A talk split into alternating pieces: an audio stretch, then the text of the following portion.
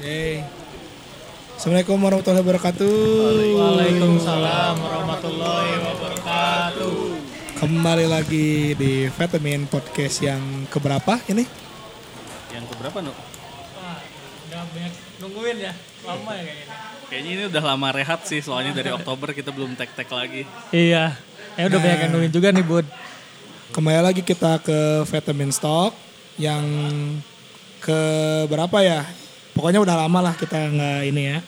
Bersama saya Emon. Saya Abud, Saya awal. Saya Banu. Saya Givari. Dan kita bersama dengan Ustadz Agus. Assalamualaikum. Waalaikumsalam Ustadz. Udah lama ya tadi Iya, ketemu udah ya. lama sekali. Betul, betul. Nah, udah lama-lama gini kita mau bahas tema yang sangat menarik nih. Sekarang. Apa nih Omon? Sekarang kita bakal bahas tentang tema toleransi. Wede. Akhir-akhir ini kita sering ngedengerin kata-kata toleransi nih. Ya. Sangat berhubungan banget nih di kehidupan kita sekarang-sekarang ini. Dan emang lagi hangat-hangatnya lagi dibahas ya. Betul. Apalagi sosmed udah Banyak informasi dari sana juga ya. tiap hari kita ketemunya sosmed lagi, media Hmm. lagi gitu kan ngebahasnya tentang toleransi. gitu. Nah, dari segi Islam sendiri Ustadz, maksud toleransi itu kayak gimana sih? Iya, eh, bismillah.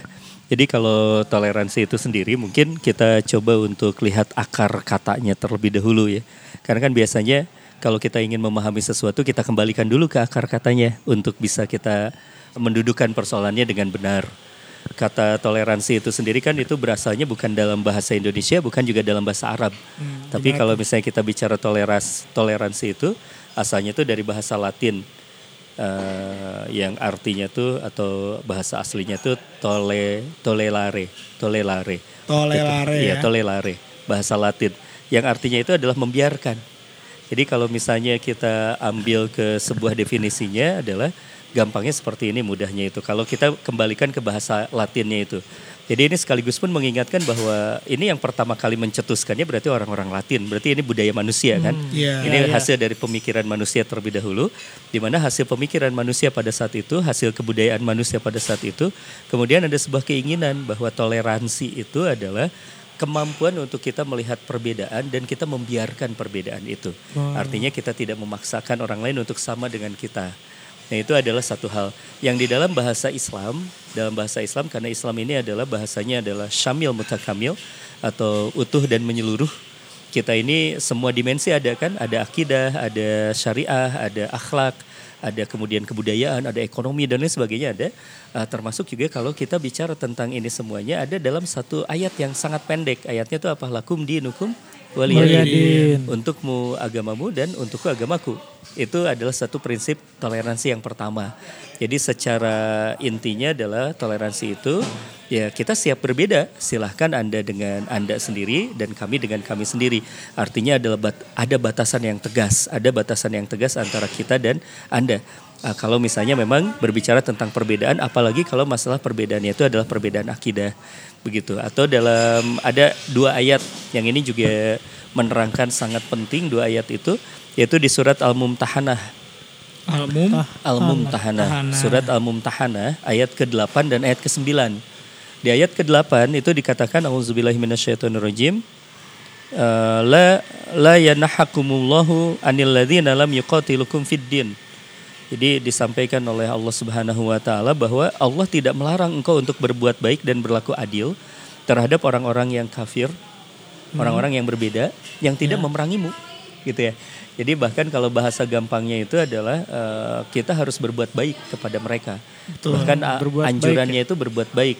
Itu berarti kalau kita lihat eh, di sana ada kategori yang memang berbeda tuh kategorinya adalah kalau dalam istilah Islamnya itu yang disebut dengan zimmi. Zimmi itu adalah yang tidak memerangi kita.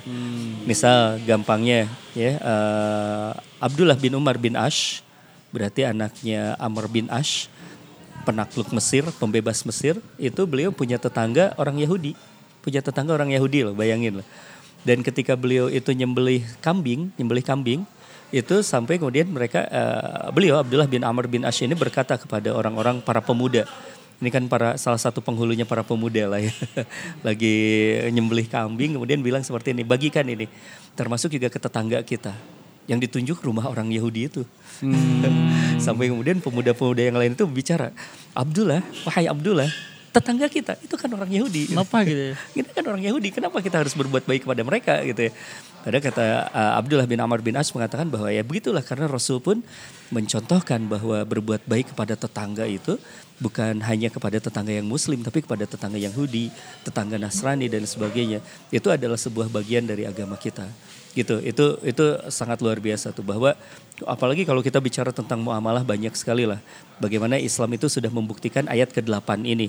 Jadi artinya uh, kita bahkan diperintahkan untuk berbuat baik kepada mereka. Diperintahkan, tapi dalam hal apa? Dalam hal muamalah. Muamalah tuh Oh, muamalah itu kehidupan sehari-hari. Kehidupan sehari-hari, kehidupan muamalah itu. Kayak tadi kan, misalnya nggak mentang-mentang Abud misalnya bisnis sama orang Kristen Ah. atau sama orang Yahudi. Ah, ini uh, mumpung lah bisnisnya sama orang Kristen lah. Udahlah aku curangin Curang aja. aja. gitu. Nggak boleh. Karena ayatnya berlaku adil, harus berlaku Ya, ya, adil. ya. Buat apa? Sekaligus juga buat menjadikan ini siar. Oh gitu ya. Orang Oh, Islam kalau gitu. misalnya lagi bisnis tuh enak banget ya. Keren ya sama orang Islam. Gitu. Itu di ayat 8 loh. Itu Jadi kita panduannya luar biasa. menjadi apa ya hikmah bagi orang lain dalam melihat Mencerminkan ya, ya. mencerminkan seperti Mencerminkan. apa sih Islam itu gitu ya. Betul. Tapi tadi dalam hal yang muamalah itu, dalam hal muamalah itu memang sangat luar biasa. Kita itu harus berbuat baik kepada mereka. Sehingga bahkan misalnya dalam pembebasan Mesir tuh, itu yang dilakukan oleh siapa? Oleh bapaknya Amr bin As itu. Amr bin As itu membebaskan Mesir itu dengan cukup mudah. Kenapa cukup mudah? Karena pada satu saat misalnya eh, waktu pas awal-awal pembebasannya itu, itu kan seluruh tenda tuh dibongkar semua. Cuma tendanya satu yang tidak dibongkar itu, tendanya Amr bin Ash. Sampai ditanya kenapa tendanya Amr bin Ash ini tidak dibongkar. Ternyata eh, di atas tendanya Amr bin Ash itu ada ada burung yang sedang bertelur. Sedang bertelur itu tidak diruntuhkan dan itu kemudian menyebar kisahnya tuh ya. Menyebar kisahnya tuh ke seluruh Mesir. Sehingga orang-orang Mesir mengatakan, wah kalau sama burung saja Islam ini sangat rahmah, sangat penuh kasih sayang, apalagi kepada manusia. gitu. Ini yang sangat luar biasa. ya. Itu inti dari ajaran kita. Kita tuh kasih sayang ajarannya ya, Masya Allah. Jadi toleransinya tidak terhadap manusia aja ya. Betul. Terhadap seluruh makhluk juga. Ya, rahmatan lil alamin kan kita. Rahmatan lil alamin. Cuma masalahnya adalah kita ini memiliki yang namanya batasan-batasan. Nah, Nah. itu cakupannya gimana aja tuh Ustaz si Iya. toleransi ini? Ya, kalau misalnya kita bicara tentang batasan-batasan ya, batasannya jelas. Yaitu kalau itu sudah masuk masalah akidah, ayat yang pertama yang keluar tadi itu, lakum dinukum Dinukum waliyadin. Kalau yang pertama itu kita berbaur, tapi kalau yang eh, eh, kalau yang kedua itu tadi ayat kita berbaur.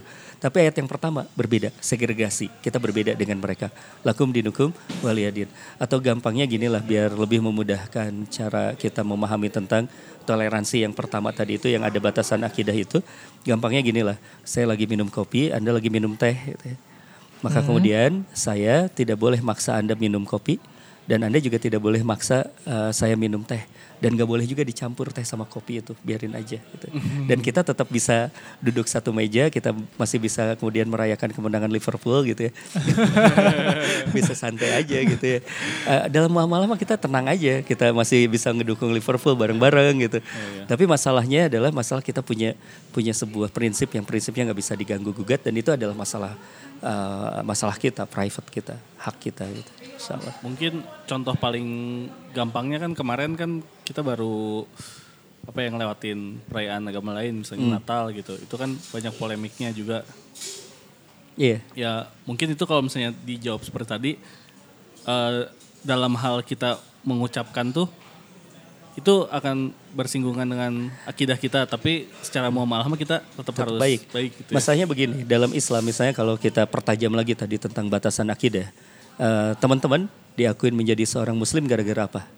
Syahadat. Gara-gara sahadat. Sahadat itu masuk, apa masuknya? Ucapan kan? Ucapan. Iya, ucapan. Sahadat itu adalah ucapan. Kita ini menjadi seorang muslim gara-gara ucapan dan kita juga bisa keluar dari muslim ini, dari Islam ini gara-gara ucapan juga. Itu yang harus mereka pahami bahwa kita punya sebuah batasan yang mungkin mereka tidak punya batasan itu. Iya, iya, iya. Uh, mereka boleh mengatakan kepada kita apa pun karena mereka tidak punya aturan itu. Tetapi kita punya aturan yang jelas. Kita menjadi seorang mukmin gara-gara ucapan, maka kita pun bisa keluar dari keimanan kita gara-gara Gara ucapan. ucapan ya. Sampaikan saja kepada mereka. Cuma kan masalahnya tuh yang menariknya. uh, sekarang pertanyaan secara logisnya saja seperti ini. Kalaupun kita bicara tentang ucapan-ucapan itu cuma setahun sekali.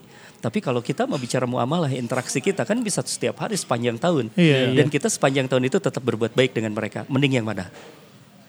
Daripada ngucapin yang- mah ya mending. Mending yang mana kan? Kebaikannya kita seta- sepanjang tahun. Dan ngucapin selama sekali mah udah nggak ngaruh Ya apa-apa udah gitu. gitu. Nggak ngaruh. Di situ sebenarnya. Jadi eh, kita tidak usah terlalu terbebani juga dan kalau misalnya kita bicara tentang mereka, mereka juga kan tidak terlalu menuntut kita kan sebenarnya mah Iya, ya. iya. Apalagi kitanya su- sudah tetap berbuat baik gitu, tetap berbuat baik kepada mereka. Ya nggak masalah sih hal yang semacam itu, insya Allah.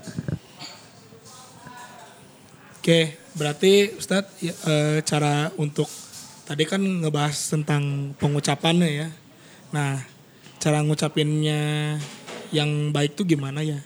Atau cara yang, muamalah tadi ya. Iya, enggak yang ini Atau- yang perayaan. Perayaan. Perayaan agama. Ini aja kita eh, gampangnya gini lah, eh, Islam itu tidak akan terjebak kepada hanya sekedar di permukaan, tapi kita bicara tentang kenyataan-kenyataannya. Misalnya kita, saya ingin cerita sedikit saja tentang beberapa hal yang umat Islam itu sudah pernah lakukan dan ini jauh lebih bermakna daripada hanya sekedar ucapan. Misal, ketika Andalusia, Andalusia itu kan sekarang yang jadi Spanyol, yang jadi Hmm, iya. Portugal dan sekitarnya itu, dulu kan diruntuhkan tuh, ya perang tuh, perang runtuh. Dan di kawasan Andalusia itu uh, bukan hanya umat Islam kan yang dilindungi yang berkembang itu orang Yahudi juga.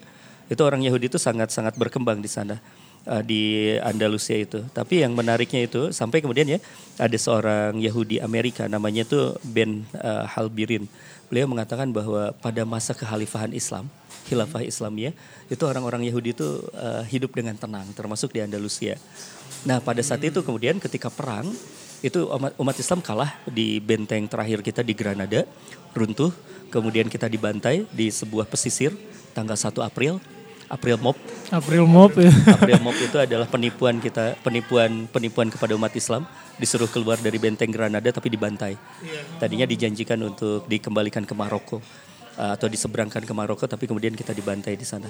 Nah, uh, pada saat itu yang dibantai bukan hanya umat Islam, tapi juga orang-orang Yahudi. Oh, dia juga. Yang dibantai itu orang-orang Yahudi disuruh konverso, pakai topi yang kerucut itu ya. Oh, iya iya. itu topi konverso namanya. Uh, pakai topi konverso itu uh, itu uh, luar biasa lah dikejar-kejar, dipersekusi ya atau majelisnya itu namanya inkuisisi. Jadi penyiksaan kepada mereka. Tapi yang menariknya adalah siapa yang menyelamatkan orang-orang Yahudi itu? Ada Barbarossa bersaudara. Jadi kita mengenalnya sebagai barbar itu. Orang barat nyebutnya barbar. Barbar. Padahal itu adalah Barbarossa bersaudara. Nah, Barbarossa bersaudara inilah yang nyebrangin tuh orang-orang Yahudi itu di, ditolongin, diselamatin, diseberangkan sampai ke Aljazair gitu. Sampai kemudian juga hampir kalau misalnya dilihat data dari tahun 1504 sampai 1510 saja itu sudah kemudian juga menyeberangkan itu eh, banyak sekali ribuan ribuan ribuan orang Yahudi dan ribuan orang Islam ke Aljazair bahkan kemudian dilindungi di Aljazair. Nah itu salah satunya. Atau misalnya ini urusan dengan Yahudi. Ada lagi urusan dengan Nasrani. Misalnya itu pada saat Umar bin Khattab eh, membebaskan Al-Aqsa, membebaskan Al-Quds. Quds. Ya, Al-Qadisiyah. Al-Qadisiyah Ad-Darussalam, bukan Yerusalem. Al-Qadisiyah Ad-Darussalam. Dibebaskan oleh Umar bin Khattab. Lalu kemudian yang menariknya adalah Umar bin Khattab mengambil perjanjian dengan orang-orang eh, pastor di sana, dengan para pendeta di sana. Namanya tuh Uhdat Umari. Uhdat Umari itu apa? Bahwa nah, Umar menjamin gereja-gereja di sana tidak akan diganggu. Umar menjamin bahwa orang-orang Kristen yang mau ibadah di Bethlehem, Bait Lahim. Kita sebagai uh, lidahnya orang Arab menyebut Bait Lahim. Uh, kalau mau ke Bethlehem silahkan. Kalau mau ke uh, Al-Quds silahkan. Tidak dihalangi. Tidak dihalangi. Silahkan saja. Bahkan orang Yahudi mau uh, ke tembok ratapan dan sebagainya. Uh, silahkan. Uh, la ba'sa. Itu perjanjian Uhdat Umari. Bahkan kemudian Umar ketika ketika pada saat menerima kunci Al-Quds yang menariknya itu itu kan sama apa uskup ya uskup agungnya itu diminta untuk masuk ke gereja uh, masuk beliau, tetapi ketika beliau uh, tadinya tuh mau sholat di sana, eh, dipersilahkan sholat di gereja itu, beliau keluar dari gereja itu. Kenapa? Kata beliau, "Eh, saya khawatir kalau bisa saya sholat di sini nanti uh, ada sebuah pembetulan bahwa gereja ini akan dijadikan masjid. Gereja ini harus tetap jadi gereja. Gereja ini harus tetap jadi gereja dan beliau sholat di depan gereja sehingga ada Masjid Umar nanti namanya itu. Jadi tempat Umar. Jadi betapa kita itu sangat toleransi itu bukan hanya sekedar kata-kata, tapi bahkan dalam kondisi sangat genting seperti perang tadi itu, kita sangat toleran. Bahkan kan ada salah satu adab perang itu tidak boleh menghancurkan biara, tidak boleh menghancurkan Iya, iya. Uh, gereja, tidak boleh menghancurkan sinagog-sinagog gitu ya. Jadi itulah ya kalau kita bicara tentang Islam sehingga kalau misalnya kita bicarakan uh, tadi ya bagaimana nih caranya kita ngomong ke saudara kita, ke teman kita yang kayak gitu. Kayaknya santai aja, bro. Kita beda nih masalah akidah. Sorry kalau gua, kalau kita nih masalahnya adalah uh, saya nih orang Islam. Aku nih umat muslim dan aku tuh menjadi seorang muslim gara-gara ucapan. Aku bisa keluar dari agamaku kalau misalnya mengucapkan sesuatu, tapi kita tetap bisa jadi temen. Kita tetap bisa bermuamalah dengan baik, kita tetap bisa bergaul dengan baik, bisa main futsal bareng gitu. Gak ada yang ngalangin gitu. Nah sebenarnya mah kalau kita diam-diam aja juga mungkin orang-orang yang di agama lain juga biasa aja ya Tad ya. Iya. Kitanya aja yang inisiatif. Ah, itu dia. Itu Munculkan dia yang pemikiran-pemikiran tertentu ya. Masalahnya dalam bahasa komunikasi itu kan persepsi itu namanya ya. Kita tuh berpersepsi bahwa orang lain itu menginginkan sesuatu dari kita. Padahal bisa jadi orang itu tidak menginginkan sesuatu dari kita. Itu persepsi Biasa-biasa aja ya. Heeh. gitu. Mereka mah santai-santai aja gitu ya. Kitanya aja yang kebingungan. Ya, begitu Pak Ustadz. Nah Oke. kemarin juga perihal seperti ini tuh Pak Ustadz, Hmm. eh, saya tuh nemu gitu Pak Ustadz di sosmed ya Pak Ustadz, Hmm. tentang ya masih aja gitu yang ada yang ngedebatin tentang Iya. cara pengucapan, tentang hari raya, eh, Hmm. ya setiap adanya hari raya gitu. Terus eh, malah saya ngeliat tuh malah ada yang yang tadi ya berinisiatif tadi Hmm. malah menyesuaikan eh, apa ya memakai bahasa Islam gitu Pak Hmm. Kasarnya tuh kayak eh, mengganti eh, ucapannya tuh dengan eh, kalimat tersebut. gitu. Barokallah misalnya gitu. Barokallah misalnya, ya. Misal gitu ya. Ya, misalkan.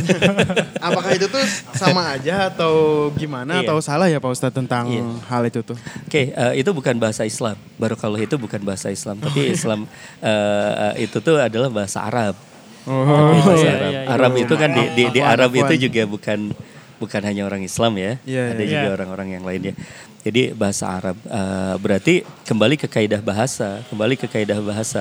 Kalau misalnya dalam bahasanya itu mengandung ideologi kayak barokallah, Iya. memang itu bahasa Arab, tetapi kan ada kalau diartikan menjadi keberkahan dari Allah Subhanahu wa taala. Keberkahan dari Allah. Nah, di sini yang menjadi sebuah persoalannya karena sesuatu seperti eh, yang diucapkan atau sesuatu yang kemudian dapat kalimat barokallah itu sesuatu yang berarti harus sesuai dengan sebuah ideologi yang diambil dari bahasa itu. Artinya kan keberkahan. Barokah itu apa? Barokah itu ziyadatul khair. Ziyadatul khair itu apa? Bertambahnya ke, ke kebaikan. Bertambahnya kebaikan itu berarti kalau kita bicara tentang bertambahnya kebaikan harus berawal dari hal yang benar. harus berawal dari hal yang benar dan yang benar itu adalah kembalikan lagi tadi masalahnya adalah masalah akidah. Kalau buat kita akidah itu adalah al-haqqum mir rabbikum. Kebenaran itu berasal dari Tuhan kita yaitu dari Allah Subhanahu wa taala. Sehingga sesuatu yang di luar dari Islam, sesuatu yang di luar dari eh, akidah kita, maka ya inna dina indallahil Islam kita menyikapinya sebagai agama satu-satunya yang benar itu adalah Islam. Loh, jadi tidak toleran kita? Enggak juga ya. Dan semua juga kalau misalnya kita lihat tuh, kita lihat misalnya eh, saudara-saudara kita sebangsa, saudara sebangsa, yang kemudian juga Nasrani mengatakan eh, kita orang-orang Muslim sebagai domba-domba tersesat. Nggak apa-apa, itu kan istilahnya mereka. Iya. Atau misalnya orang Yahudi punya istilah apa? Goyim Hmm, ya. kepada kita orang-orang yang di luar dari mereka biasa aja semua semua uh, hal-hal yang seperti itu tuh lazim lazim kayak misalnya saya orang Sunda saya mengatakan kan kepada misalnya ada seorang teman saya ada uh, siapa uh, uh, udah siapa gitu ya orang orang Padang. Orang Padang. kemudian saya bilang dia or- bukan orang Sunda ya nggak apa-apa kan? Gak usah maksa juga dia ingin diakuin jadi orang Sunda kan? Biasa aja gitu. dan dia tetap bisa jadi orang Padang saya tetap bisa jadi orang Sunda dan saya tetap bisa datang ke warungnya si Uda untuk makan rendang. Betul sih. Batokok enak. Terus Tat, eh, saya nih pernah dengar kata-kata yang namanya tasyabuh. Tasyabuh. Tasyabuh ya. Ustaz. Tasyabuh ya berarti ya? Tasyabuh. Nah, tasyabuh. Nah itu tuh eh, katanya kayak menyerupai suatu kaum itu. Tat. Gimana Tat coba? Iya. Saya pingin dengar penjelasannya lebih dalam. Iya. Jadi menarik kalau tadi kan eh, step awal kita bicara tentang akidah. Akidah itu tegas kan, lakum dinukum waliyadin. Hitam dan putih akidah mah. Se- Setegas kopi dan teh itu. Ya nggak bisa dicampur-campur akidah itu. Cuma sekarang masalahnya adalah kita bicara tentang eh, ada ranah-ranah yang lain. Ada ranah-ranah yang lain dalam kehidupan kita. Ranah yang lain dalam kehidupan kita itu kayak budaya, kayak lifestyle kita Iya. ya, ya kita bicara ya tadi lah culture dan lain sebagainya itu itu persoalan kita. Sehingga kemudian eh, pertama kali kita harus beranjak dari sebuah pemahaman Islam itu adalah syamil mutakamil. Apa itu syamil mutakamil? Islam itu bahasa gampangnya tidak menyisakan satu ruang pun dalam kehidupan kita yang kemudian Islam itu tidak masuk untuk mengaturnya. Bisa dipahami ya Gimana itu? jadi Gimana, maksudnya di gimana? seluruh dimensi kehidupan kita tuh ada Islamnya. Oh. Islam itu ma- mengatur itu semuanya. Islam tuh bukan agama yang parsial. Iya. Misalnya hanya ngatur ibadah saja enggak kan. Tapi Islam itu ada dalam budaya, Islam itu ada dalam ekonomi, Islam itu mengatur semuanya. Termasuk misalnya kalau kita bicara tentang inilah masuklah di dalam sebuah hal yang namanya tasyabuh. Misal tasyabuh itu ada sebuah hadis yang sangat tegas. Hadisnya seperti apa? Man tasyabaha biqaumin fahuwa minhum. Barang siapa yang menyerupai suatu kaum, maka dia bagian dari kaum itu. Nah, misal gampangnya gini. Eh, di dalam Islam itu disunahkan berjenggot. Misalnya, gampangnya ya, Iya. karena identitas kita kita ngelihat yang gampang aja yang terlihat. Misalnya, kenapa kemudian umat Islam itu eh, mensunahkan untuk mencukur kumis dan memanjangkan jenggot? Karena itu adalah politik identitas atau eh, penegasan identitas berbeda dengan orang Yahudi. Karena orang Yahudi itu adalah memanjangkan kumis dan kemudian mencukur habis jenggotnya. Sehingga itu langsung tuh perbedaan.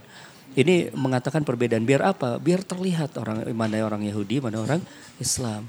Kemudian juga orang Yahudi itu kalau eh, dia sudah banyak apa? uban itu menyemirnya dengan warna hitam. Warna hitam. Dalam Islam dilarang. Jadi disemirnya dengan warna selain hitam agar kita bisa berbeda dengan orang Yahudi.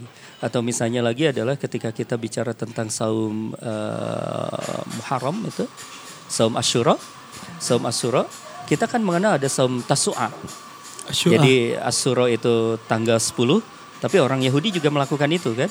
Maka apa yang dilakukan? Kita membedakan diri dengan orang Yahudi dengan saum Tasu'a itu, yaitu saum 9 Muharramnya itu. Jadi eh, ini adalah satu hal yang berbeda. Sehingga dari sini kita kemudian bisa memahami bahwa Islam itu adalah sebuah kalau bahasa kontemporer kita sekarang peradaban. Dan kalau Peradaban. itu adalah komplit semuanya ada. Komplit semuanya ada. Sehingga eh, kalau sudah menyentuh peradaban peradaban Islam ini berdiri sendiri. La sarqiyah wala gharbiyah. Bukan bukan timur dan juga bukan barat. Ini adalah satu hal yang sangat kokoh misal dalam kasus pemindahan kiblat ini kita biar kokoh dulu ya dalam kasus pemindahan kiblat kan pada saat itu sebelum Rasul itu berpindah kiblatnya kan berapa tahun tuh eh, Rasul kalau sholat itu menghadap ke Masjidil Aqsa kan Oh Ya, iya ya, iya. ya, ya. Ya, pernah yang tahu. Kaget Iya. juga tuh pindahin kiblat gimana. Terus Yang berdoa itu ya, Ustaz, ya? Betul. Dan pada Ternyata saat itu kemudian orang-orang Yahudi itu nyinyir gitu tuh wah agamanya Muhammad masih sama aja ngadap ke Yerusalem sama kayak kita gitu gitu kan diledekin terus sampai kemudian apa yang terjadi Allah Subhanahu wa taala memindahkan kiblat itu bukan lagi ke Baitul Maqdis tetapi kemudian ke Makkah Al-Karamah, Al- Makkah Al-Mukarramah. Sekaligus ini deklarasi bahwa Islam ini berbeda dengan Nasrani, Nasrani. berbeda dengan Yahudi. Itu satu hal. Sehingga uh, ini nanti banyak hal. Nah, termasuk juga ketika kita bicara tentang hal ini pernah tuh kan Islam tuh akhirnya menyebar ke mana-mana Ya. termasuk nyebar ke wilayah bekas kekaisaran Persia. Ke Iran ke mana lagi? Ke India gitu ya ke Afghanistan Uzbekistan dan sebagainya kan itu uh, wilayah kekuasaan Persia dulunya itu. Nah menarik itu di Persia itu ada ada perayaan. Perayaannya perayaan tahun baru Persia. Perayaan tahun baru Persia eh, Sebelum penyebaran itu atau Oh, masuk. Udah, setelah udah setelah masuk, itu ada yang namanya itu eh, perayaan tahun baru Persia ya. perayaan tahun baru tahun baru Persia itu itu kemudian di sana diingatkan. Diingatkan oleh siapa? Oleh Umar.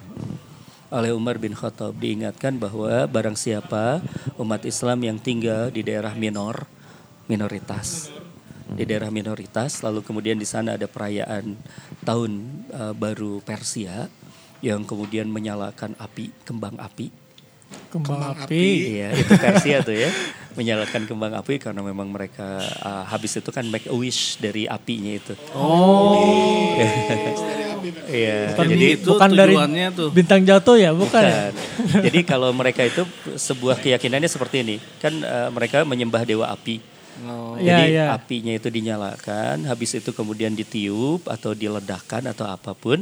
Nah dari asapnya itu, ketika asapnya masih berkumpul itu, itu saatnya doa mustajab Doa lah bahasa mustajab. kita. Doa gitu. mustajab. Make a wish itu pada saat itu, sehingga ditiuplah apinya itu. Kalau hujan berarti nggak bisa berdoa tuh. nggak bisa berdoa, tapi di, Tapi di kan timur tengah, asap. di timur tengah mah jarang nggak hujan. nah itu hal yang semacam itu. Eh, kemudian diingatkan oleh Umar, barang siapa yang mengikuti budayanya mereka, fahuwa minhum, maka eh, kalian sudah masuk ke dalam eh, umat umat itu, sudah masuk ke dalam bagian dari perayaan eh, orang-orang Persia itu, sudah masuk ke dalam agama majusinya mereka. Gitu. Majus itu menyembah Majusi. api ya? Eh, Iya penyembah api itu sudah termasuk eh, majusinya sehingga di sana di garis bawahi tentang tasabuhnya ini mana yang jadi tasabuhnya itu apakah eh, tahun barunya atau apa ritualnya Oh. ritualnya itu yang termasuk tasabuhnya itu yaitu ketika mereka sama-sama men- men- Menyalakan. menyalakan kembang apinya itu dan sebagainya itu masuknya ke tasabuh Berarti tasyabuh sudah sangat jelas ya berarti artinya menyerupai suatu kaum tuh seperti itu ya. menyerupai suatu kaum bahkan kemudian juga eh, ada ada ada dalam banyak dimensi kan kalau tadi ya Iya. sampai penampilan Penampilan. sampai kemudian juga akidah cuma kalau nanti penampilan atau budaya fisik ini nantinya akan terbagi dengan beberapa hal. Tapi kalau akidah mah tadi selesai ya. Misalnya tadi menyalakan iya, iya. api ya sudahlah itu sudah tidak boleh lagi. Tapi kalau misalnya kita bicara tentang yang budaya nanti itu ada perkembangannya. Kalau itu sudah bukan menjadi khas lagi budayanya mereka maka itu menjadi tidak apa-apa. Seperti misalnya gampangnya gini. Eh, dulu di madrasah-madrasah kita tidak mengenal namanya meja dan kursi. Hmm. Tidak mengenal meja dan kursi. Masuk ke Indonesia meja dan kursi itu dibawa sama Belanda. Dibawa sama Belanda. Wah, pada saat itu menjadi khas dari orang-orang Belanda itu adalah meja kursi, kemudian juga sendok garpu gitu ya. Itu menjadi menjadi khasnya mereka tuh. Nggak Tetapi pada sendok perkembangan kekinian itu kan bukan lagi menjadi budaya mereka. Iya. Ya, bukan lagi ya, menjadi satu khas dari budaya orang-orang kafir Belanda pada saat itu kafe kalau kalau kata bahasanya cutnya din kafe gitu. bahasa kafirnya mereka bukan tapi ini sudah menjadi budaya yang biasa-biasa saja maka kemudian kita boleh untuk menggunakan itu ya kalau dengar kisahnya tentang Kiai Ahmad Dahlan kan ketika beliau membangun madrasah yang punya pakai apa meja dan kursi itu pernah Hmm, iya, dikritik iya. pernah dikritik. Tapi beliau mengatakan bahwa ini adalah eh, bukan bagian dari bukan bagian dari satu hal yang khasnya punya mereka saja. Tapi ini adalah sesuatu penunjang. Nah itu ya. Jadi eh, kalau di hal-hal yang budaya itu nanti kita bisa kembangkan yang budaya itu mana yang bertentangan atau yang tidak. Mana yang menjadi khasnya mereka atau tidak gitu ya. Tapi kalau masalah akidah ah, lakum dinukum waliyadin akidah mah gitu ya Jadi dalam Islam tuh sebenarnya berbudaya juga boleh ya mengikuti budaya lain selama Boleh. ada batasan-batasan tertentu ya yang nggak bisa kita langgar. Iya kayak misalnya kan Abud pakai kaos tuh. ya. Kemudian juga eh, Emon pakai kaos juga kan. Kaos kan bukan budaya dari Arab kan. Iya. Bukan budaya Islam kan. Hmm. Kaos ini awal-awalnya kan orang-orang Inggris tuh. Iya. Yang anti awalnya tuh anti kepada apa? Anti kepada feodalisme Inggris. Kemudian eh, ngambil satu hal yang praktisnya itu. kan. Itu kan budaya atau cikal bakal munculnya kaos itu. Wah, baru Gitu. tahu saya. Lama di dunia perdagangan baju. Tidak baru tahu itu. Saya saya saya lahir udah ada kaos Iya, soalnya. masalahnya. Jadi tinggal pakai. dan dan tetapi kemudian apakah kita haram menggunakan kaos kan enggak ya nggak apa-apa gitu Jadi hal-hal yang seperti itu kaos kemudian jeans jeans itu kan ada ideologinya kan awalnya ya. Iya, ada, workwear ada perlawanan, ada segala macam ya. Iya. Ada jeans itu. Tapi apakah kemudian kita menjadi haram untuk menggunakan jeans? Hmm. Kan enggak juga gitu. Ya kita bisa terima juga jeans itu. Iya. Kecuali jin. Kalau jin beda. gitu. Jin dan Jun. gitu. Jadi eh, tidak apa-apa. Yang penting adalah tidak tidak melabrak. Di sini adalah kita punya yang namanya itu panduan. Asalkan tidak melanggar yang namanya akidah, lah baksa tidak ada apa-apa. Atau dalam hal ibadah, tidak menyerupai ibadah orang lain, nggak masalah. Iya. Iya. Jadi akidah dan ibadah. Perihal misalnya ibadah mau pakai sarung atau pakai peci itu mah kan Iya, masih boleh-boleh lah ya. betul. Nggak apa-apa. Kan sarung juga sebenarnya kalau kita lihat sarung apakah budaya muslim? Di Arab ada yang pakai sarung nggak teman-teman? Nggak ada. Pakai gamis. Pakai gamis. Jadi sarung itu kan dari mana tuh? Tradisi Hindu kan awalnya? Oh Gak iya. apa-apa, biasa aja. Ya sangat menarik ya Pak Ustadz bahasannya. Nah mungkin ini untuk eh, melengkapi top topik apa eh, bahasan kita podcast kali ini gitu ya. Eh, tadi juga sempat sedikit disinggung tentang perayaan eh, pergantian tahun mungkin ya Pak Ustadz ya. Dan di, di apa ya dijelaskan kembali tentang apa bagaimana kita apa ya istilahnya identik atau mengikuti sebuah kaum tertentu. Tapi kan Pak Ustadz ini tuh menjadi paradigma di masyarakat mungkin ya yang selalu tiap bertahun-tahun selalu di, dibahas gitu ya. Nah ma- mungkin eh, para pendengar podcast juga eh, memiliki keresahan yang sama ketika bagaimana sih menyikapinya gitu. Secara mungkin tidak meng eh, diskriminasi kaum tertentu atau istilahnya kita tidak terlalu vokal terhadap hal tersebut gitu. Nah, alangkah baiknya itu seperti apa Pak Ustadz? Jadi sikap dan pola pikirnya kita ketika kita disudutkan oleh paradigma tersebut gitu. Iya. Yang pertama adalah tadi kita bersikap ilmiah saja. Eh, ini yang bisa menyelesaikan itu adalah bersikap ilmiah. Tadi eh, bahasanya toleransi itu adalah kita siap untuk menerima perbedaan dan tidak usah ketika kemudian juga perbedaan itu dipaksakan. Misalnya ketika kita bicara tentang secara logis ilmiahnya saja. Ketika misalnya eh, perayaan agama lain tadi itu. Kan kita mengatakan bahwa aduh maaf eh, kita ini punya aturan tersendiri. Jadi telunjuk toleransi seharusnya ditujukannya bukan ke kita, tapi kepada mereka. Mereka harus paham bahwa kita ini memiliki sebuah garis yang tidak bisa dilanggar, yaitu garis ucapan tidak boleh mengucapkan itu. Jadi itu dan kita tetap bisa berbuat baik. Jadi toleransi itu harus adil kan. Jadi kalau bahasanya uh, ini ma- maaf saya mengutip pernyataannya Pramudia Anantatur misalnya adil itu kan ha- harus sejak dari pikiran kita. Adil equal semuanya gitu. Equal dan adil itu ngelihat ke kasuistisnya. Kita diminta toleransi silahkan kita juga akan sangat bersikap toleransi, tapi saudara-saudara kita pun harus toleransi kepada kita bahwa ada satu hal yang namanya itu uh, perbedaan-perbedaan dan ini perbedaannya maaf ini perbedaan akidah. Dan uh, ini negara yang sangat menjamin kebebasan kita untuk beragama kan ya? Ketuhanan yang maha esa. Kemudian juga uh, dalam hal freedom pun kalau misalnya kita bicara tentang freedom secara keseluruhannya freedom eh, apa kebebasan beragama ini kan adalah satu hal yang eh, menjadikan suatu hal yang disepakati oleh semu- seluruh dunia itu. Sehingga kita juga boleh menuntut dong gitu. Orang lain toleransi sama kita dong gitu ya. Jadi aman saja di situ. Nah kemudian itu itu yang pertama. Jadi santai-santai aja lah. Kita ini biasa juga kalau misalnya kita bicara tentang toleransi misalnya gampangnya ya saya saya tinggal eh, saya itu lahir di satu kota. Teman-teman yang mungkin juga eh, pernah dengar kota Sukabumi misalnya? Sukabumi. Sukabumi. itu Sukabumi. kota kecil Sukabumi itu kota kecil. Mayoritasnya Muslim. Mayoritasnya Muslim. Tapi pusat kota kami itu ditandai dengan kelenteng besar. Kelenteng. Kemudian juga dikelilingi, pu- kami punya masjid besar, masjid agung, dan masjid agungnya dikelilingi oleh gereja-gereja hampir semua ordo ada gitu. Dan kita biasa-biasa saja, biasa-biasa saja. Partnernya saya untuk latihan bela diri itu adalah eh, orang Cina. Kemudian pelatih saya untuk bulu tangkis itu adalah orang Papua. Itu biasa saja gitu ya. Kita biasa saja. Sukabumi menjadi sangat damai sekali dan eh, itu padahal kami adalah mayoritas di sana Muslim itu mayoritas. Nah di sini adalah satu hal yang makanya kadang-kadang ini ini mungkin juga ada satu hal yang kalau bahasanya dalam ranah kekhawatiran saya juga khawatir kenapa isu ini kok muncul sekarang-sekarang padahal dari dulu kita ini hidup berdampingan. Oke. Betul, betul. Betul betul. Kita hidup berdampingan dan biasa-biasa saja gitu ya. Saya sering juga mendapat kue keranjang dari teman-teman saya kue keranjang tahu kan kalau perayaan Imlek mereka ya. Kalau mereka Imlek eh, saya sering dikirimin dan saya tetap makan biasa aja gitu. Tapi nggak pernah ngucapin apa-apa ke mereka gitu ya.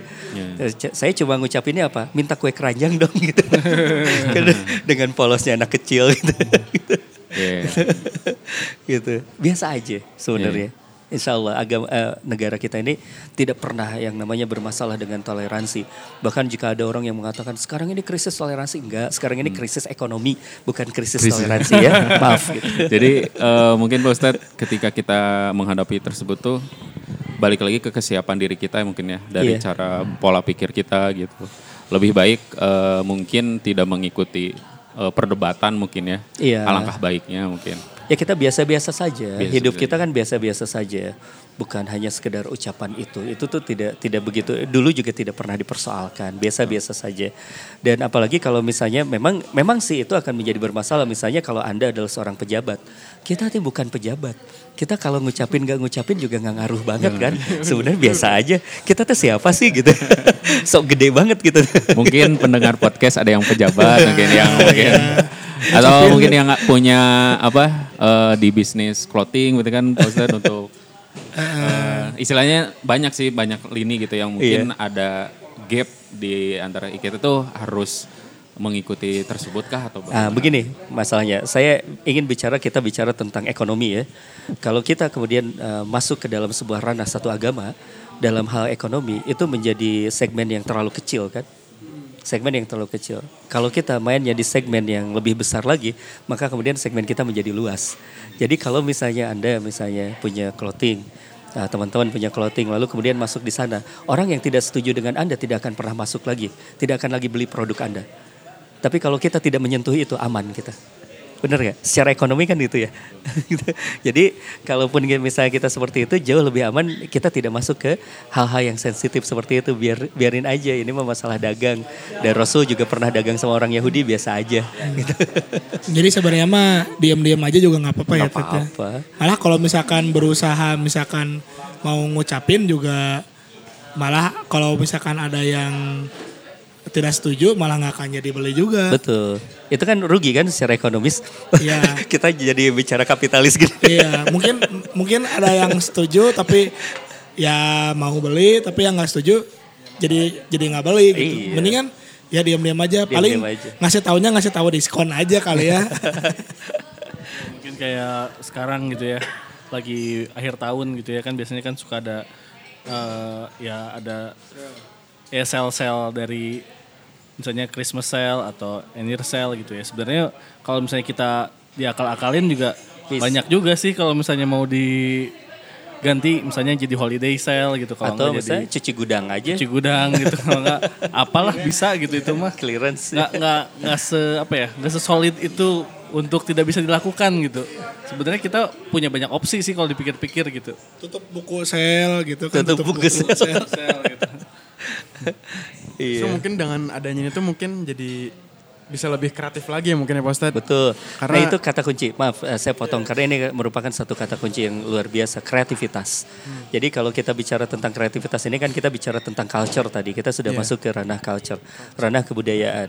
Eh, kebudayaan itu seperti ini teman-teman. Kita kan ditantang untuk kreatif membuat sebuah produk-produk budaya, produk-produk kesenian atau produk-produk eh, di industri kreatif dan sebagainya. Cuma kita punya aturan. Dan yang menariknya adalah kalau kita berhasil untuk mengakali, kita bisa membuat produk tanpa kemudian melanggar aturan-aturan itu, di situlah kreativitas tingkat tinggi kan. Karena kalau misalnya, misal kita bicara uh, salah satu gampangnya lah, saya pernah berbincang masalah film dengan seorang budayawan misalnya. Beliau mengatakan bahwa kita nih sebagai seorang muslim ini kan kita punya yang namanya rambu-rambu, punya rambu-rambu. Tapi uh, adalah satu hal yang sangat appreciate kalau sangat diapresiasi oleh orang banyak misalnya kalau kita mampu membuat film yang filmnya itu bagus menarik seru secara ini apa eh, secara eh, filmnya secara ceritanya tapi tanpa melanggar aturan syariah Kan di situ kreativitasnya sangat tinggi tuh. Betul. Di situ ditantang. Karena kalau misalnya kita bikin film, misalnya filmnya cuma biar biar laku aja lah gitu, gampang, nggak usah sekolah jauh-jauh. Ya, nggak usah sekolah tinggi-tinggi, nggak usah anda sekolah sampai ke Eropa, sampai ke mana gitu. Bikin aja film-film mesum laku. ya. Jadi semakin tertantang semakin harus semakin kreatif ya Iya, Ustadz? di situlah kan kreativitas kita. Jadi aturan tidak menghalangi kreativitas, justru aturan itu membuat kita tumbuh dan melompat untuk lebih besar lagi, menghasilkan karya yang lebih besar lagi gitu. Kemantapan. Kalau kita ngebahas tentang perayaan tahun baru nih Tat, Hmm. Gimana tuh menyikapinya? Ya, eh, gini, eh, kita coba persikapi dengan eh, proporsional berkenaan dengan eh, tahun Masehi. Tahun Masehi ya, Iya. biar clear ya. Tahun Karena di Hijriah maksudnya. juga kan ada tahun ya. Kita bicara tentang tahun Masehi. Tahun Masehi kita pakai nggak? Pakai. Eh, kalender matahari itu kita pakai kan. Untuk waktu sholat kita menggunakan kalender matahari bukan kalender bulan kalender matahari kan. Uh, kemudian juga untuk beberapa hal misalnya uh, kita bicara saum, saum menggunakan kalender matahari bukan kalender bulan. Sehingga pergantian tahunnya itu tidak apa-apa buat kita mah sebenarnya pergantian tahun itu. Itu adalah sebuah peringatan buat kita. Peringatan bukan artinya perayaan ya, bukan selebrasi tapi peringatan itu tazkiroh dalam bahasa Arabnya.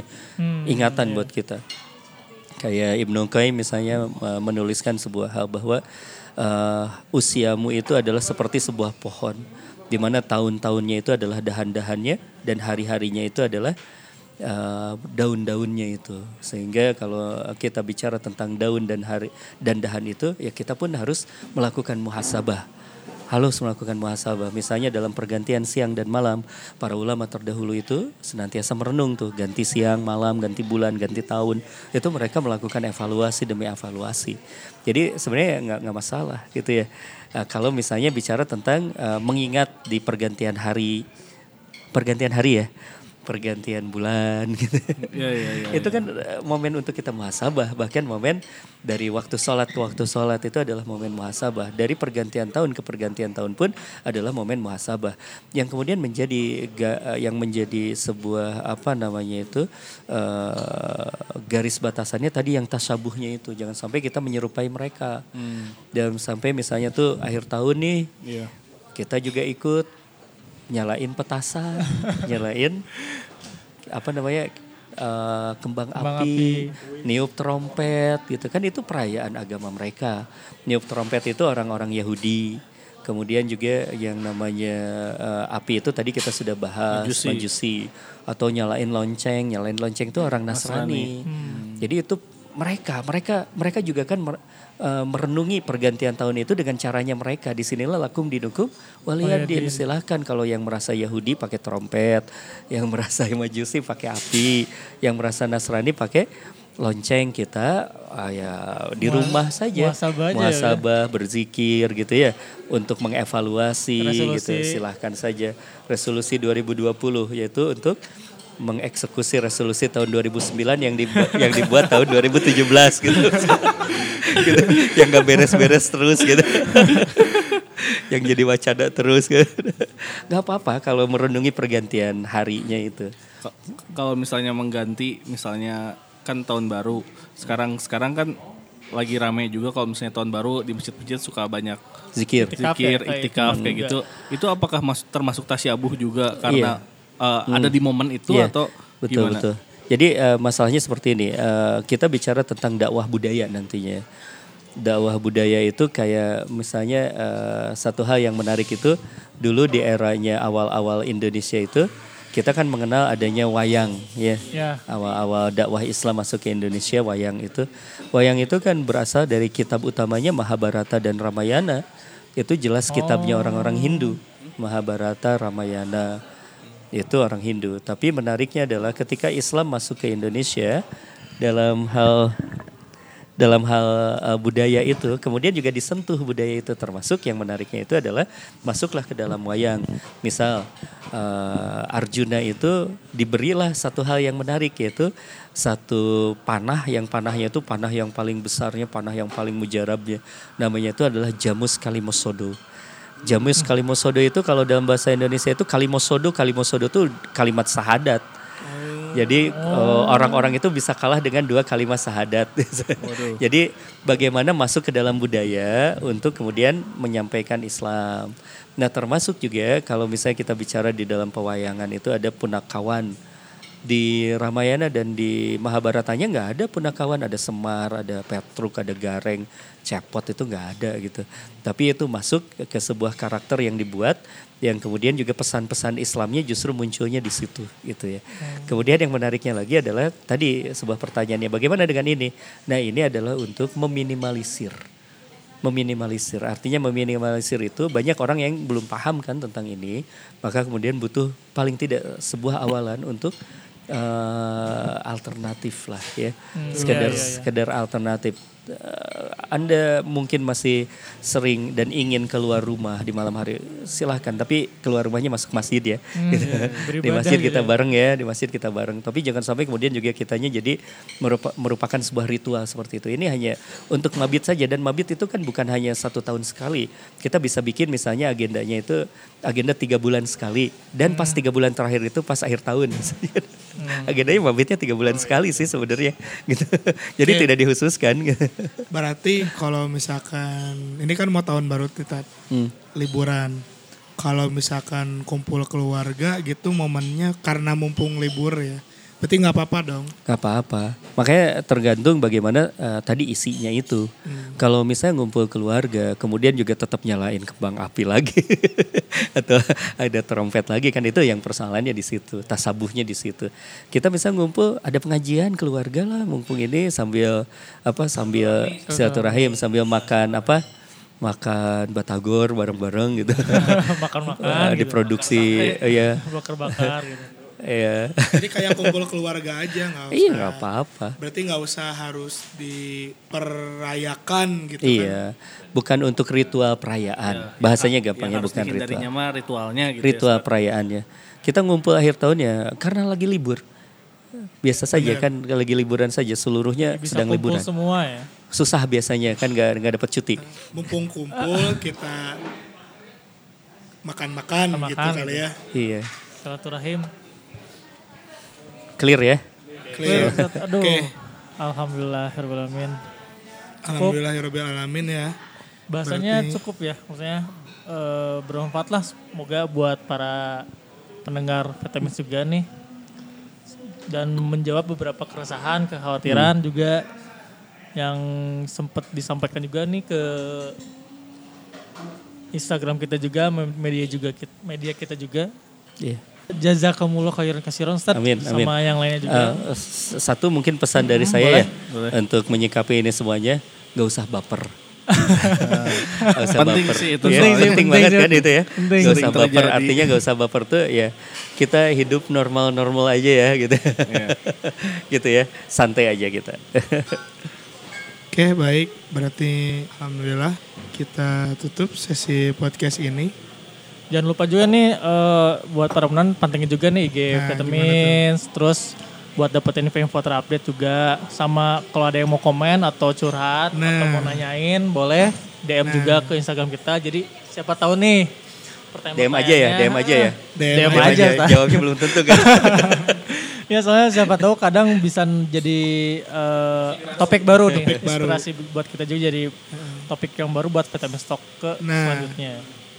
For your information, tema toleransi ini juga sebenarnya buah keresahan dari DM DM Ya. kalian itu ya. Nah buktinya kan dibahas juga. Siapa tahu nanti kawan-kawan ada keresahan atau ada sesuatu hal yang mau dibahas, bisa kasih masukan kita dari DM di Instagram. Oke, baik. Segitu aja dari kami pamit. Saya Emon Saya Abud. Saya awal. Saya Banu, Saya Givari. dan Ustadz. Agus, Agus Al-Muhajir. Assalamualaikum Assalamualaikum warahmatullahi Warahmatullahi wabarakatuh. wabarakatuh.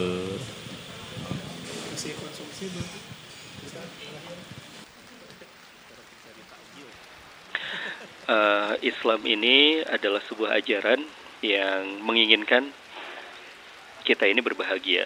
Kenapa? Karena Islam ini datang dari Allah Subhanahu wa taala dan Allah sangat menginginkan kita bahagia. Sehingga untuk itulah kemudian Islam ini datang dengan sebuah aturan yang jelas dengan sebuah panduan yang jelas. Ini pun adalah jawaban dari satu hal, yaitu jawaban dari ihdinas siratal mustaqim, doa kita. Kita berdoa kepada Allah, ya Allah, tunjukilah, bimbinglah, berikan ilham, dan kemudian juga kami memohon kepadamu untuk senantiasa ada di jalan yang lurus ini. Maka untuk itu kemudian Allah Subhanahu wa taala memberikan kepada kita sebuah jalan yang begitu sangat jelas, sebuah jalan yang begitu sangat detail, sebuah jalan yang kemudian kita kalau kita menempuhnya maka kita akan berbahagia. Sama seperti doa kita yaitu kita menginginkan kebahagiaan kita di dunia dan menginginkan kita kebahagiaan di akhirat. Maka untuk itu bersyukur kita sebagai seorang muslim kita bersyukur sebagai seorang muslim karena jalan ini adalah jalan yang penuh dengan kejelasan dan tidak ada ketidakjelasan di dalam kehidupannya itu. Mudah-mudahan dengan cara seperti ini kita bersyukur, kita senantiasa menjadi manusia yang berbahagia bersama dengan panduan langsung dari yang menciptakan kita, Allah Subhanahu wa taala. Barakallahu fik keberkahan untuk kita semuanya, ajmain untuk kita semuanya. Assalamualaikum warahmatullahi wabarakatuh.